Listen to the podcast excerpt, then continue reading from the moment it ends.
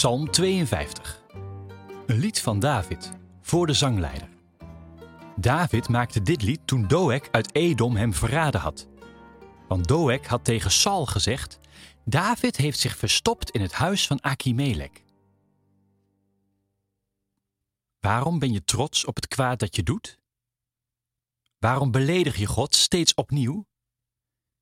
Je denkt dat je sterk bent, maar dat ben je niet. Je maakt alleen maar slechte plannen. Je liegt altijd en je bedriegt iedereen. Je houdt meer van het kwade dan van het goede. Je vertelt liever leugens dan de waarheid. Je doet mensen graag pijn met je woorden. Je hebt er plezier in om hen te bedriegen. Maar God zal je vernietigen. Hij zal je grijpen en je weghalen uit je huis. En met geweld haalt hij je weg uit het leven.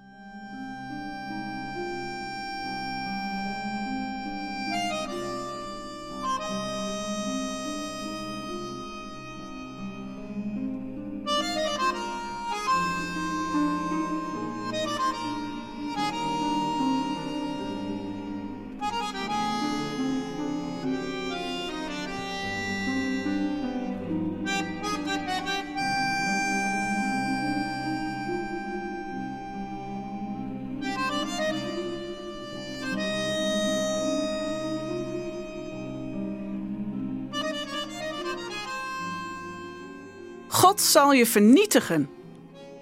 Heftige woorden horen we in deze psalm. Maar wat moet je zeggen als je hoort dat een hele stad is uitgemoord omdat jij verraden bent? David schreeuwt zijn woede uit, alsof hij oog in oog staat met zijn verrader en God als getuige heeft. Hij roept hem ter verantwoording. Nou, kom op, zeg eens, waarom ben je trots op het kwaad dat je doet?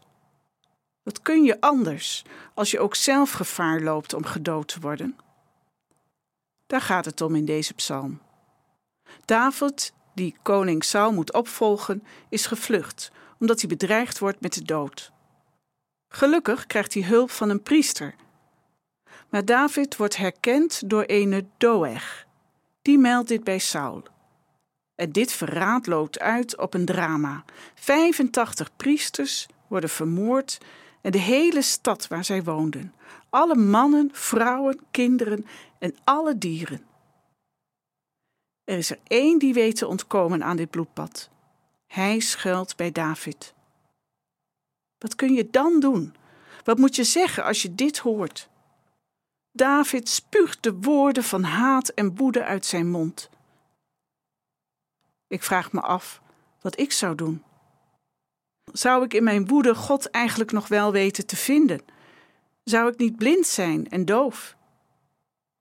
Wie ontzettend boos is, kan vaak niet zo helder meer denken. Dat is een biologisch verschijnsel, zo werkt het nu eenmaal in onze hersenen. Waarover heb jij je kort geleden nog kwaad gemaakt? Is het iets dat jou is aangedaan? Of gaat het over kwaad wat verder weg bij jou vandaan is gebeurd? Waar ben jij door geraakt? Waardoor kan jij ontploffen van woede?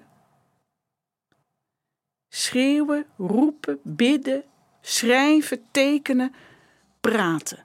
Het kan allemaal helpen om stoom af te blazen, om weer een beetje rust te gaan vinden in jezelf. Het kwaad benoemen op een manier die bij jou past. Het onrecht uitschreeuwen in de grote oren van God. Doe dat vooral.